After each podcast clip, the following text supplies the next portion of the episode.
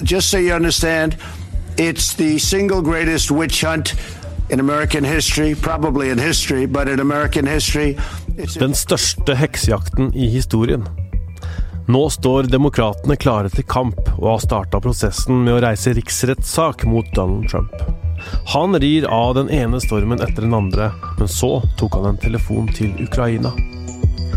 Jeg heter Tor Erling Tømt Ruud, og dette er Verdensgang.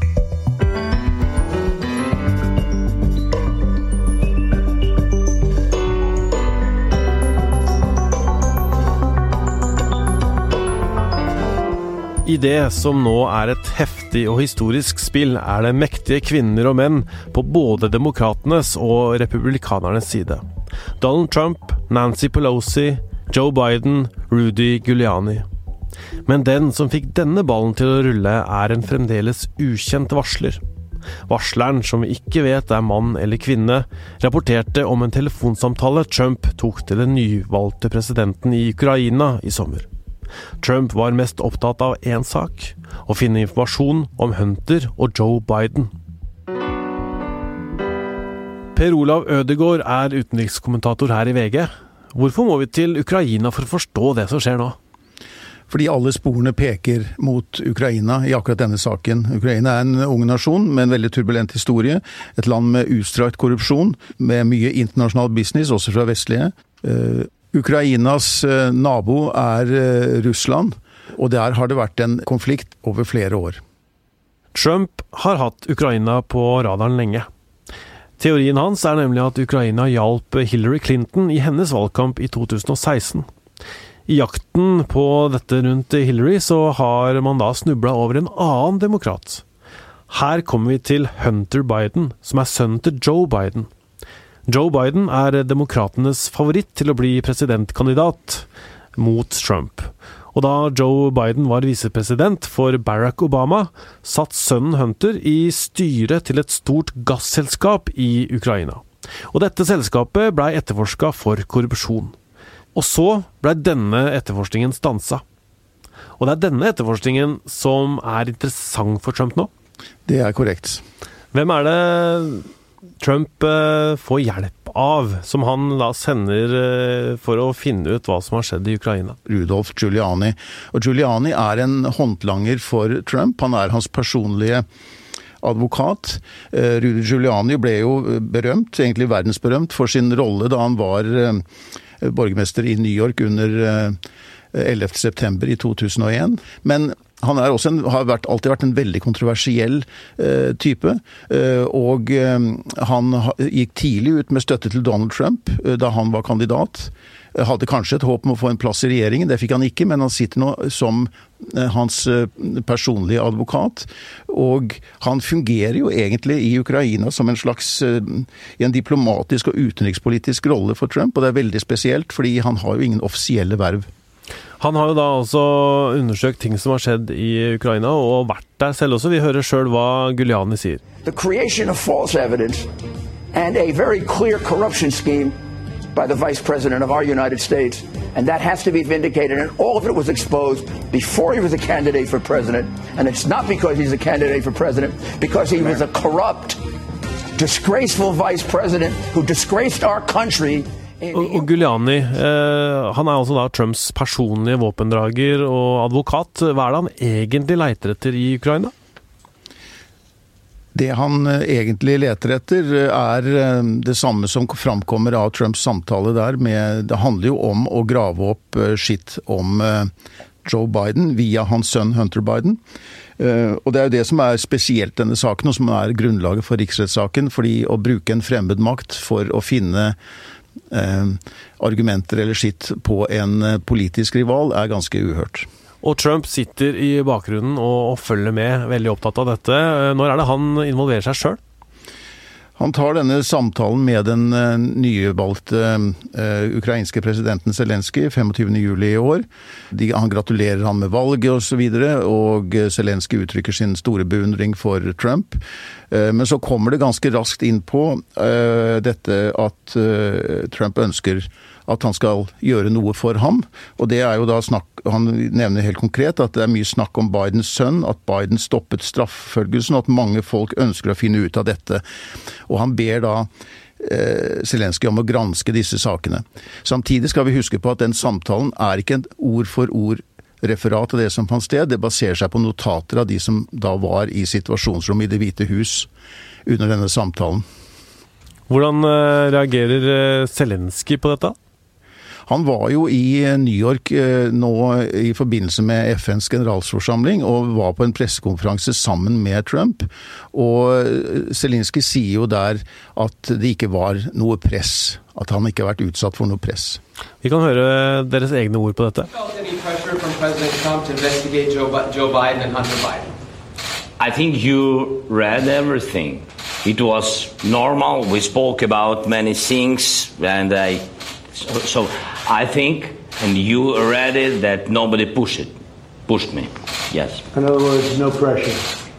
President, President Trump. President Trump. Because you know what? There was no pressure.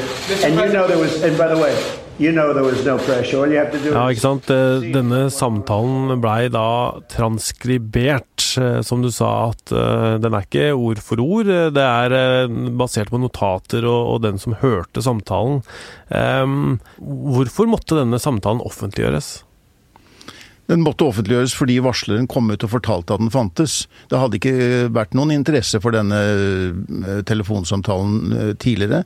Varsleren sier at her ble det sagt ting som ikke skal sies, eller som ikke, løfter som ikke kan gis. eh, Eller, eller, eh, eller forsøk på press som ikke kan utøves av en president. Og derfor ble det en sak. Hva veit vi om varsleren? Eh, varsleren eh, må antas å være en person i, eh, i, i sikkerhetstjenestene i, USA, i en av disse sikkerhetstjenestene. Det er ingen som veit hvem det er. Nei, vi vet ikke om det er en han eller hun, og vi vet ikke hvem det er. Og man har eh, lagt et stor eh, Det har vært startet en slags klappjakt på ham fra Det hvite hus, både for å finne kilden og varsleren. Eh, Trump har forlangt å møte vedkommende personlig, men det har ikke skjedd. Og nå skal Kongressen intervjue vedkommende, og det er ganske krevende. Det skal man da også beskytte anonymiteten. Altså, det er dette her da med denne samtalen, det er blitt offentliggjort og, og disse tingene, og, det er det som gjør at demokratene nå eh, gjør det de kan for å reise en riksrettssak. Eh, vi skal høre lederen for etterretningskomiteen som, som jobber med dette, Adam Schiff, eh, når han også gjør rede for begrunnelsen for at eh, demokratene gjør som de gjør nå. The record of that call shows the President of the in a same conversation, indeed immediately after the Ukraine president asked for more military help, the President of the United States Dette har vært saken som har fått demokratene til å snu. Eh, Veldig mange ledende demokrater har vært svært skeptiske til å innlede en riksrettssak mot Trump. Det har vært en fløy av partiet som har ønsket det nesten fra dag én, eh, på ulike grunnlag. Eh, Men ledelsen i partiet har vært eh, skeptiske.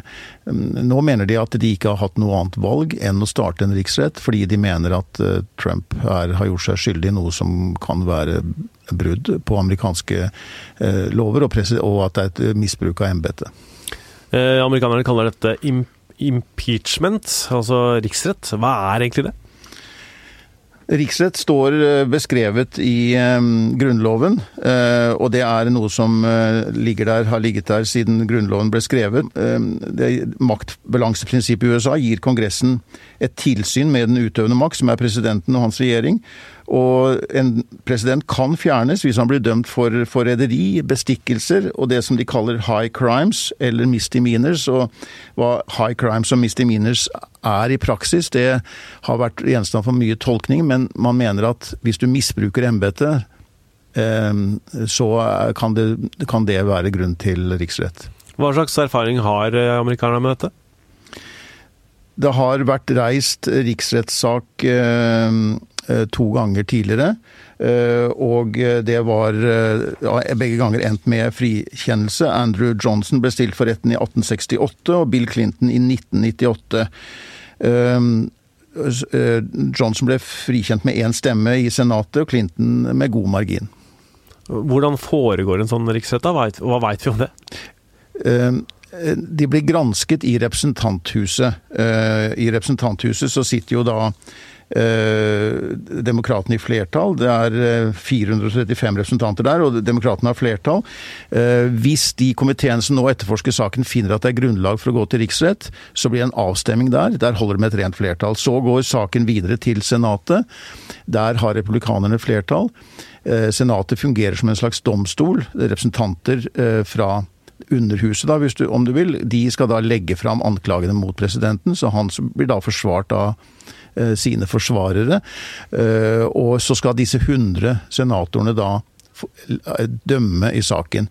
Der må du ha vil, hvis han skal bli funnet skyldig og dømt, så må alle demokratene finne ham skyldig, pluss 20 av republikanerne som er senatorer i dag, hvis det skal være et flertall. Ja, du, du, sier at de må granske ham. altså Dette er en slags rettssak, og det er en granskning. Eh, hvordan gjør de det? De eh, innkaller vitner. De har komiteer som jobber i eh, representanthuset da med dette akkurat nå. Eh, de forsøker å finne ut hva som har skjedd, og de skal da se om det i hele tatt er grunnlag for å gå til sak. Nå er det oppstått en veldig vanskelig situasjon ved at Det hvite hus nekter å samarbeide med Kongressen, nekter å la folk vitne for denne komiteen. We're not fooling around here, though. Uh, we don't uh, want this to drag on months and months and months, which appears to be the administration's strategy.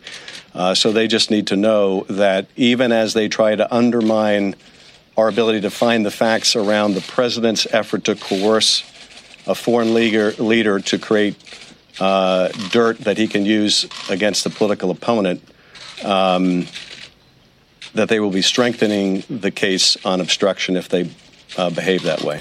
Dette var altså da Adam Schiff igjen, som, som er demokrat og som, som, skal være med å granske dette her. Han sier jo altså at, eh, at det er oppsiktsvekkende at de ikke vil samarbeide, eh, og at det faktisk kan styrke eh, saken om riksrett hvis de ikke samarbeider eller oppfører seg på denne måten, som han sier. Hva, hva, hva, hva syns du? Ja, Å hindre en etterforskning kan i seg selv være et grunnlag for riksrett. Det var et av de to punktene Bill Clinton ble da tiltalt for eh, i 1998. ene var å ha løyet under ed, og det andre var eh, dette med å hindre etterforskningen. Eh, så det er eh, det kan styrke det, men det vil selvfølgelig vanskeliggjøre granskningen hvis du ikke får alle ting på bordet. Er dette en eh, politisk eh, krise? Det er en politisk krise, og så er riksrett også alltid en politisk prosess. Det er ikke så veldig mye Vi vet at jussen, eller Grunnloven rett og slett, gir eh, Kongressen rett til å starte slike etterforskninger, men det er ikke noe klar regler for hva som gjelder og hva som er brudd på, riks, som kan føre til riksrett. Det er i bunn og grunn en politisk prosess. Det er det det er det Representantenes hus til enhver tid mener. Og nå har demokratene flertall der, og de virker fast bestemt på å kjøre dette videre. Vi er jo vant til en del støy rundt eh, president Trump, da. Og, han har jo klart seg, eh, klart seg gjennom dette her. Eh, hva er det som gjør at det blir spesielt nå? Spesielle nå er En side ved det er at uh, du ser at uh, stadig flere amerikanere synes at presidenten nå bør stilles for riksrett. Det har vært en rekke meningsmålinger i det siste, også den siste jeg så på Fox News, som viste at et flertall støtter at det bør reises riksrettssak mot ham. Så noe er i endring i opinionen så kan dette spille begge veier. Vi så at Clinton kom eh, ikke dårlig ut av eh, sin riksrettssak. Demokratene vant i det mellomvalget 1998, da riksrettssak var oppe. Eh, og han gikk av som president som en meget populær mann i embetet. Trump forsøker å bruke dette til sin egen fordel. Han mener at dette er en konspirasjon mot ham, at demokratene alltid har vært ute etter ham. Han har ikke fått ro fra dag én i Det hvite hus. Og når ikke Müller-etterforskningen førte fram, så forsøker de å finne på noe annet. Det er hans påstand. Og han vil forsøke å samle sin egen base eh, med dette han stadig minner om at det er en heksejakt. Demokratene vil også bruke det for å Selvfølgelig også i forkant av denne valgkampen. Takk skal du ha, utenrikskommentator her i VG, Per Olav Ødegaard. I sin jakt på informasjon om Joe og Hunter Biden fikk Guliani hjelp av to samarbeidspartnere. Forretningsmennene Lev Parnas og Igor Fruman. I forrige uke blei de to mennene stanset og arrestert på en flyplass i Washington. da begge var i ferd med å boarde et fly til Frankfurt, med enveisbilletter. De er sikta for å ha kanalisert illegale pengegaver til amerikansk valgkamp. De to skal blant annet ha hjelpa Guliani med å grave opp skitt om far og sønn Biden, men det er ikke lagt fram noe bevis for at verken Joe eller Hunter Biden har gjort noe galt eller kritikkverdig. Gulianis virksomhet i Ukraina er nå fokus både for Kongressen og den føderale påtalemyndigheten på Manhattan.